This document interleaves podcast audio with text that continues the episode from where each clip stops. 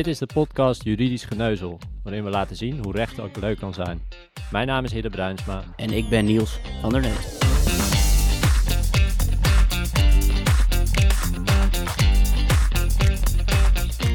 We zijn er weer en vandaag eindelijk met het uh, onderwerp ontslag. Het was al een paar keer aangekondigd, maar vandaag is het zover. Uh, maar voordat we beginnen heb ik toch nog uh, een huishoudelijke mededeling. Deze keer gaat het niet over de website, maar over Instagram. We zijn daar nu te vinden onder de naam Juridisch Geneuzel Podcast. En uh, we delen hierop uh, verhalen over het arbeidsrecht en andere onzin die uh, Niels en ik verzinnen. En aan het einde van deze aflevering hebben we een luistervraag. We hebben er verschillende binnen gehad. En we hebben er een uitgekozen die op ontslag ziet. Ja, Niels. En normaal beginnen we altijd met een raar verhaal, wat jij meeneemt. Maar je zei net tegen mij dat we het vandaag uh, anders gaan doen. Kun je even uitleggen hoe we het vandaag gaan aanpakken? Ja, het gaat natuurlijk over ontslag. En daar zijn zoveel rare verhalen over te vertellen dat ik dacht, ik bel Evert Verhulp, hoogleraar arbeidsrecht aan de Universiteit van Amsterdam, om te vragen welk verhaal op het gebied van ontslag hem het meest is bijgebleven. En ik verklap alvast, er zit op het einde een behoorlijke plot twist in. Een van de mooiste zaken in het uh, ontslagrecht, en dan met name over het ontslag op staande voet, is wel de zaak van Schrijver tegen Van Essen. Ook wel, uh, uh, het arrest is ook wel de man met de hamer genoemd. En het speelt om het volgende. Er is een vrij kleine orthopedische schoenmakerij te Utrecht, waar Rudy van Essen werkzaam is. Daar werken drie mensen in totaal, dus het is echt niet groot. En de werkplaats van die schoenmakerij grenst aan de huiskamer van de directie, van de directeur. En in die huiskamer, daar woont niet alleen uh, meneer Schrijver, de directeur, maar ook zijn vrouw en zijn dochter, Annette, 19 jaar. En Annette komt op enig moment de werkplaats binnen uh, en begint te ruzien met Van Essen. En uh, die ruzie eindigt ermee met dat zij op enig moment het kopje thee dat voor zijn gezicht staat leeggooit tegen zijn gezicht. Waarna hij zo boos is, die Van Essen, dat hij Annette Schrijver echt beetpakt en met nou, enig geweld weer de huiskamer inwerkt. Met de mededeling bemoei je met je eigen zaken en vertoon je je niet. Dat vindt de vrouw van de directeur, de moeder van Annette, geen goed idee. Die begint weer te ruzie met Van Essen in de werkplaats. En die ruzie die ontaart in, zoals de Hoge Raad dat zo mooi zegt, in twistgesprek. In dat twistgesprek dreigt uh, mevrouw Schrijver Van Essen met een hamer te slaan, maar doet dat niet. Zij legt de hamer tussen hen in. En Van Essen wint zich vervolgens in dat twistgesprek zo op dat hij de hamer bij de kop beetpakt en mevrouw Schrijver met de steel op haar arm slaat. Uh, daarna leidt zij aan hematomen, weten wij uit het arrest. Dat klinkt ernstig, maar het gaat over blauwe plekken. De directeur ontslaat van Essen vervolgens op staande voet wegens het slaan van mijn vrouw, van zijn vrouw dus. En uh, Van Essen begint een procedure. Uh, primair vraagt hij vernietiging van het ontslag op staande voet. En subsidiair vraagt hij de kennelijk ontslagvergoeding die tot 2015 bestond. En zo gebeurt ook. De Hoge Raad overweegt dat in dit geval het ontslag op staande voet niet terecht is verleend. Want de, de, de gedachte dat Van S is uh, geprovoceerd door de dochter en dus eigenlijk ook indirect schrijver zelf verantwoordelijk is voor de dringende reden, die dringt zich zozeer op dat er daarom geen dringende reden kan worden aangenomen. Uh, mijn hobby is het op bezoek bij partijen te gaan, dus ik ben op bezoek bij Annette Schrijver, die inmiddels de zaak van haar vader heeft overgenomen. En ik vraag haar allerhande dingen over de casus, zoals uh, hoe heet was het kopje thee dat u in, tegen het gezicht gooide van Althans, de thee die in het gezicht van meneer, van meneer Essen gooide. Hoe heet was die thee? Hij zei, nou, die was goed heet. Hij kreeg vlekken in zijn gezicht. Nou, het was een leuk gesprek. Het is een aardig mens. En helemaal aan het eind van het gesprek vraag ik, al bijna bij het weggaan, hoe is het eigenlijk met die Van Essen afgelopen? Weet u dat? Waarop zij in tamelijk plat Utrecht zegt, ik zal het vannacht aan hem vragen. We wonen alweer vijf jaar samen. Ik vond dat zo grappig dat ik uh, hard moest lachen. En vervolgens aan hem vroeg, hoe kan het nou dat dat zo is gekomen? En toen zei zij, ik denk dat mijn vader deze van S op staande voet heeft ontslagen omdat hij wel doorhad dat ik verliefd op hem was. En zo zie je maar, ontslagrechtelijke zaken gaan toch ook vaak over hele andere dingen dan het ontslagrecht. Ja, ik blijf dit echt een geweldig verhaal vinden. Ben jij trouwens wel eens uh, ontslagen, heren, omdat de dochter van de baas verliefd op je was geworden? Nou, ik, ik ben al lang blij als ik eens een keer iemand in de club had geregeld. Dus op werk lukte het sowieso niet. En uh, ik ben wel eens ontslagen omdat ik als zuurpruim uh, rondliep. Toen was ik 16. Toen verkocht ik uh, abonnementen voor het goede doel. En ik deed dat een tijdje. En na, na een paar jaar was dat, was dat op een gegeven moment wel een beetje klaar. En toen liep ik langs die deuren. En toen zei die manager op een gegeven moment tegen mij: Ik weet niet wat je aan het doen bent, maar jij hoeft niet meer terug te komen. Maar daarna ben ik nooit meer ontslagen. Ik heb er wel ik van zie geleerd. het ook gewoon voor me. Ik ken je natuurlijk zo door en door. ja, nee, je ziet het zeker voor je. Dus nee, voor de rest niet. Um, maar hey, er zijn, er zijn best wel veel verschillende manieren waarop de werkgever en werknemer uit elkaar kunnen gaan. En in deze zaak ging het uh, om een ontslag op staande voet. Maar welke ontslagvormen zijn er nog meer?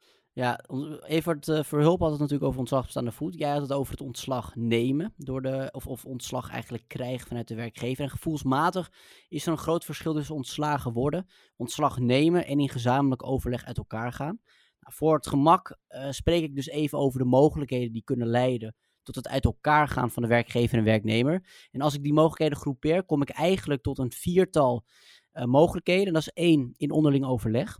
Twee, van rechtswegen. Drie, opzegging. En vier, ontbinding.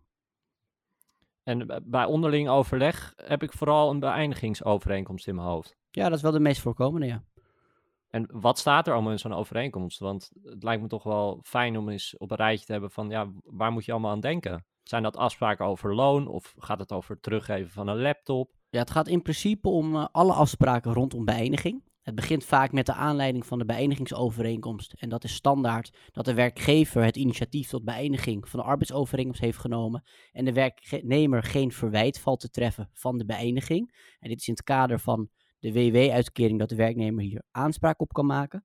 Ja, en verder staan er uh, zaken in zoals de einddatum, uh, of de werknemer wel of niet een vergoeding krijgt. Want zonder dat dit in het contract staat bij de beëindigingsovereenkomst, krijgt de werknemer uh, niets. Dat is anders dan de wettelijke transitievergoeding bij een normaal ontslag. Nou, of een eventueel concurrentiebeding vervalt, staat er vaak in. En bijvoorbeeld zaken als het inleveren van bedrijfseigendommen, zoals de laptop die jij als voorbeeld noemde. Ja, duidelijk. En eh, is zo'n overeenkomst vormvrij? Uh, moet bijvoorbeeld zo'n over, of moet zo'n overeenkomst in de moedertaal van de werknemer worden opgesteld? Zijn er eisen die, die je daaraan kan stellen? Nou, in Nederland is het zo dat veel overeenkomsten vormvrij kunnen worden aangegaan. Ook de arbeidsovereenkomst kan bijvoorbeeld mondeling overeen worden gekomen. Maar zo'n beëindigingsovereenkomst moet schriftelijk. Nou, de tekst van de overeenkomst hoeft dan weer niet in de moedertaal van de werknemer te zijn. Eh, de Hoge Raad heeft hier zich wel over uitgelaten. En die heeft eigenlijk over gezegd dat de werkgever wel onderzoek moet doen naar het feit of de werknemer begrijpt waarvoor hij tekent. Nou, in de zaak Huisiani van Woerden kreeg een werknemer die geen Nederlands sprak een in het Nederlands opgestelde beëindigingsovereenkomst voor zijn neus geschoven met de vraag of hij eventjes wilde tekenen waar het streepje stond. Nou, meneer Huisiani doet dit, heeft geen flauw benul waar hij voor tekent en krijgt natuurlijk spijt. De werkgever houdt meneer Huisiani aan zijn handtekening. Deze zaak komt bij de Hoge Raad en de Hoge Raad overweegt dat het enkel ondertekenen niet voldoende is om te zeggen dat de werknemer hiermee akkoord is gegaan. De werkgever moet volgens de Hoge Raad namelijk zorgvuldig hebben gehandeld en had moeten onderzoeken of de werknemer heeft begrepen waarvoor hij tekende. En met andere woorden, hoewel het geen vereiste is dat die beëindigingsovereenkomst in een bepaalde taal is opgesteld, is het wel verstandig dat dit in een taal gebeurt die de werknemer goed beheerst. En verder kun je nog uh, denken aan uh, dat een werknemer binnen twee weken na ondertekenen zich kan bedenken en de, de beëindigingsovereenkomst kan ontbinden. En als dit herroepingsrecht niet in de beëindigingsovereenkomst zelf staat vermeld, dan heeft de werknemer drie weken de tijd om, uh, om zich te bedenken. Ja, ik, ik vind het eigenlijk ook wel heel bijzonder dat zo'n zaak helemaal bij de Hoge Raad terechtkomt. Want het klinkt wel heel logisch en redelijk dat een werknemer moet begrijpen waar hij eigenlijk voor tekent. Um, maar goed, dat is misschien mijn mening. En dan nog even naar het ontslagsysteem zelf. Want hoe werkt dat eigenlijk? Werknemers zijn in Nederland natuurlijk goed beschermd, maar de ene keer zit je bij het UWV en de andere keer moet je naar de rechter. Zit daar nog verschil tussen? Uh, ja, er zijn een aantal uitgangspunten. Namelijk dat je in principe als werkgever opzegt met instemming van de werknemer. En dat de werkgever een transitievergoeding betaalt. En dat is een soort ontslagvergoeding, simpel gezegd. Nou, er zijn een aantal uitzonderingen uh, op dat punt dat een werknemer moet instemmen. Bijvoorbeeld als het UWV toestemming heeft gegeven, uh, het gedurende de, proeftijd is, of er een ontslag op staande voet volgt. Nou, wanneer ga je dan naar het UWV? Dat is afhankelijk van de reden van het ontslag. In Nederland zijn werknemers inderdaad uh, goed beschermd. We hebben een gesloten ontslagstelsel.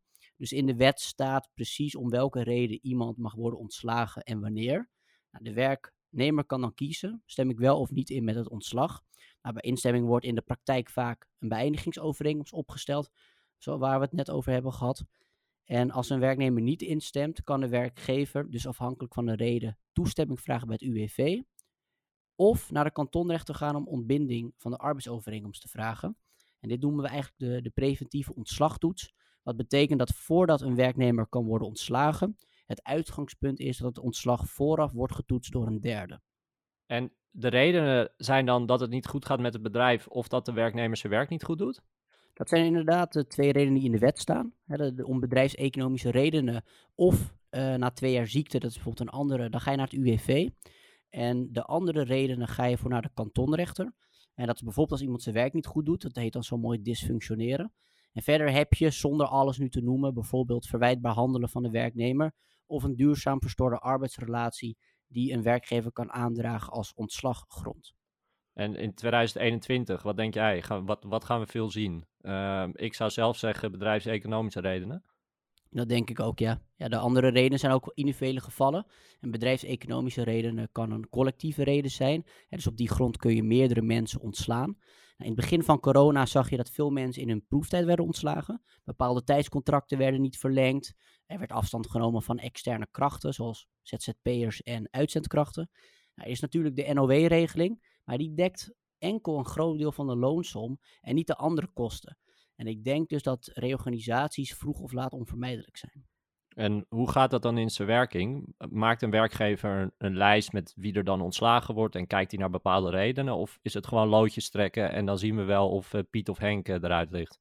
Nou, bij een bedrijfseconomisch ontslag moet de werkgever toestemming vragen aan het UWV. Nou, de werkgever moet dan één aantonen dat er een noodzaak is tot bedrijfseconomisch ontslag. Twee, hij moet voldaan hebben aan zijn herplaatsingsplicht. Wat betekent dat er niet een andere passende functie beschikbaar is of binnen een redelijke termijn komt. En drie, er mag geen opzegverbod spelen. Een opzegverbod houdt in dat je tijdens of wegens een bepaalde reden, omstandigheid iemand niet mag ontslaan, zoals tijdens ziekte en zwangerschap. Nou, verder mag een werkgever niet kiezen wie hij ontslaat. Het gaat er namelijk niet om dat hij bepaalde personen wil ontslaan, omdat deze personen hun werk niet goed doen bijvoorbeeld, maar dat hij wil besparen op loonkosten. De ontslagvolgorde moet worden bepaald door de werknemers in leeftijdsgroepen in te delen.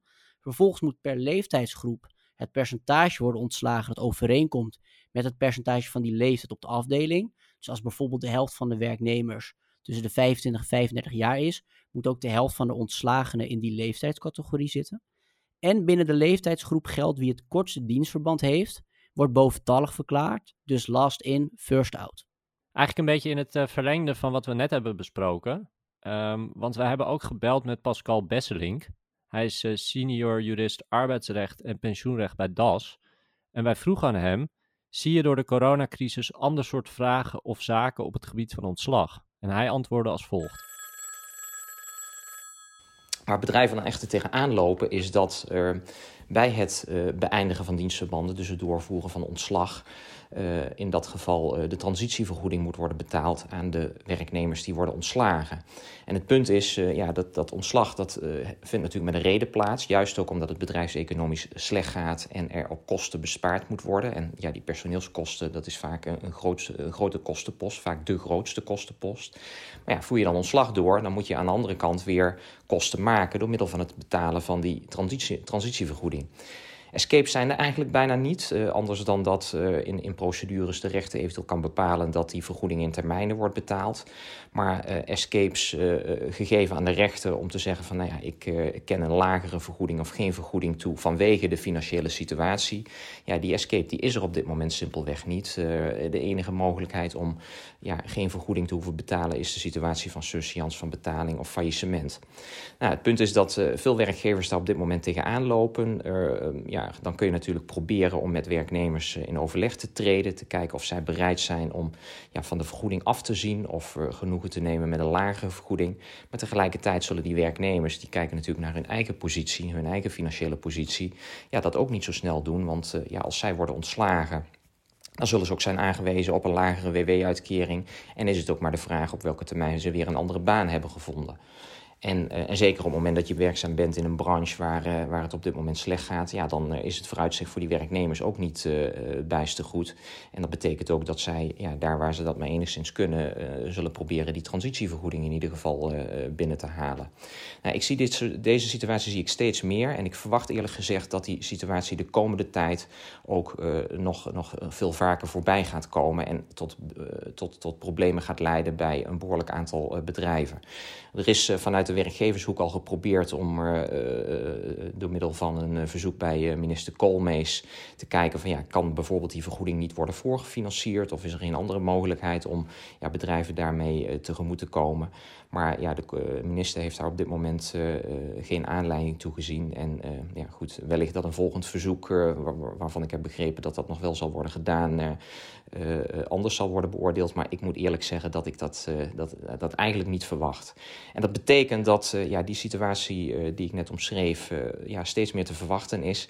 En ik vrees ook dat in dat geval faillissementen in sommige situaties onvermijdelijk zijn. Dus ja, goed, in die zin ja, een, een, een situatie die voor veel bedrijven ernstig is.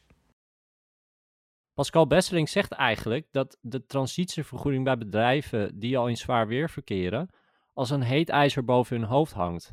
Hoe zie jij dit, Niels? Ja, de transitievergoeding, om daar even mee te beginnen, heeft eigenlijk een dubbele doelstelling. Ja, dat is echt transitie, dus van werk naar werk stimuleren, en compensatie voor het ontslag. Nou, wat nogal scheef is, is dat een werknemer geen transitievergoeding krijgt als een werkgever failliet gaat.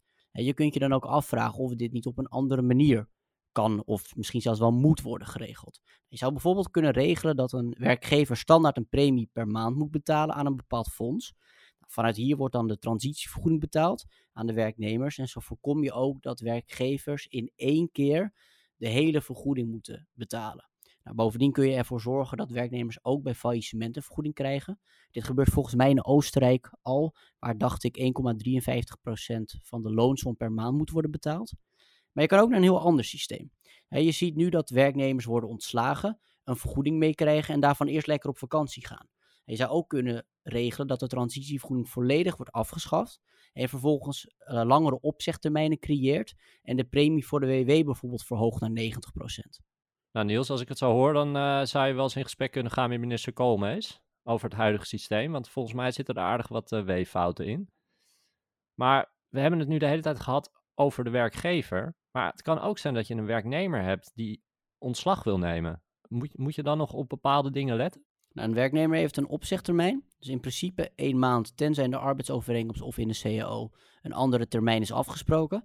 Nou, een opzegtermijn geldt niet als je uh, bijvoorbeeld uh, binnen je proeftijd opzegt of dat er een ontslagstaande voet is door een dringende reden van de werkgever, want ook die kan zich natuurlijk misdragen. Uh, aan de andere kant waar je op moet letten is dat de werkgever niet te snel mag vertrouwen op het ontslag van een werknemer. Nou, hij heeft een onderzoeksplicht om te zien of de werknemer wel echt ontslag wilde nemen en op de hoogte is van bepaalde consequenties. Bijvoorbeeld het niet in aanmerking komen voor een WW-uitkering. Nou, dit blijkt uit het arrest Westhof Spronsen en dat is gewoon echt weer een mooie zaak. Nou, het gaat hier om Willem Westhof, een iets wat eigenwijze vrachtwagenchauffeur. En Willem Westhof krijgt een ruzietje met zijn leidinggevende. Hij is er helemaal klaar mee. En hij zegt: Ik pak mijn zootje, je bekijkt het maar, ik kom niet meer terug. Willem Westhoff pakt zijn spullen, ook de spullen die hij normaal daar laat liggen, vertrekt naar huis, laat twee dagen niets van zich horen. Dag 3. Willem Westhoff komt terug op zijn beslissing, vordert loon, maar de werkgever had in de tussentijd al een brief gestuurd waarin stond dat Willem eenzijdig ontslag had genomen. Nou, de vraag die hier eigenlijk speelde is of de werkgever er gerechtvaardigd op mocht vertrouwen op de uitlating van de werknemer dat hij ontslag wilde nemen. Nou, de Hoge Raad overweegt dat vanwege de emotionele toestand van Willem, die erg boos was, uh, de werkgever een bepaalde onderzoeksplicht had. En de werkgever mocht er ook niet uh, Willem Westhoff aan zijn uitlatingen houden. Um, dus de werkgever had hem moeten bellen of mailen met: Weet je dit wel zeker? Denk er nog eens even over na. Weet je wel wat voor consequenties dit heeft? Enzovoorts.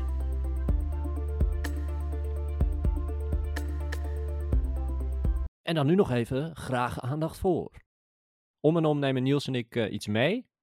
En Niels, waar wil jij deze keer aandacht voor vragen? Ja, dat is voor een nieuwe stichting genaamd Prometheus Legal Consultancy. Deze stichting is opgericht door acht fanatieke honors-studenten van de UvA. Nou, zij geven gratis juridisch advies aan mensen die problemen hebben door corona. De adviezen worden gecontroleerd door professionele juristen uit de praktijk, zoals bijvoorbeeld hoogleraren van de UvA of advocaten uit een specifiek rechtsgebied.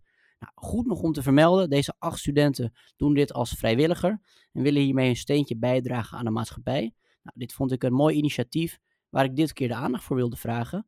Een linkje naar hun site is te vinden op onze website bij aflevering 3 en op onze Instagram pagina. Niels, Welke tip wil je de luisteraar dit keer geven op het gebied van ontslag? Nou, voor de beëindigingsovereenkomst heb ik als tip aan de werknemer uh, eigenlijk twee. Eén, let er goed op dat de opzegtermijn fictief in acht is genomen. Als dat namelijk niet zo is, dan start je WW later. En twee, op het moment dat je een goede rechtspositie hebt, dus eigenlijk de werkgever kan jou niet zomaar ontslaan, hij heeft daar geen goede reden voor, dan heb je een sterke onderhandelingspositie en dan hoef je niet genoegen te nemen met enkel de wettelijke vergoeding. Dus je kunt dan meer vragen dan de transitievergoeding, waar je recht op hebt. Dus dan kun je gaan onderhandelen. Dus dan kun je bijvoorbeeld zeggen, ik wil naast de transitievergoeding twee extra maanden of drie extra maanden mee krijgen. En daarmee zijn we alweer aan het einde van de aflevering gekomen. Maar we hebben natuurlijk nog de luistervraag. En die is deze keer afkomstig van Noah. En Noah die mailde ons met de volgende vraag. Mijn arbeidsovereenkomst van bepaalde tijd is op 1 januari 2021 geëindigd. Mijn werkgever heeft dit op 28 december 2020 laten weten via de mail. Mag dit wel? Ja, als een arbeidsovereenkomst voor bepaalde tijd is aangegaan voor minimaal zes maanden en afloopt op een bepaalde kalenderdatum, moet de werkgever uiterlijk een maand van tevoren de werknemer schriftelijk informeren of de arbeidsovereenkomst wel of niet wordt verlengd. Nou, als de werkgever dit niet of niet tijdig doet, zorgt dit er niet voor dat je arbeidsovereenkomst wordt verlengd, maar de werkgever heeft in dat geval wel zijn aanzegverplichting geschonden. Bij de schending daarvan moet de werkgever een vergoeding betalen. Als de werkgever bijvoorbeeld 10 dagen te laat is, dan moet hij 10 dagen extra loon betalen. Doet hij het helemaal niet, moet hij een maand extra loon betalen. En in dit geval is de werkgever 28 dagen te laat. Dus Noah, je hebt nog recht op 28 dagen extra loon. Nou, dat was hem dan, de derde aflevering. De volgende aflevering uh, is een verkiezingsspecial. En ik wil graag nog even Evert Verhulp en Pascal Besselink bedanken voor uh, hun bijdrage. En graag tot de volgende keer.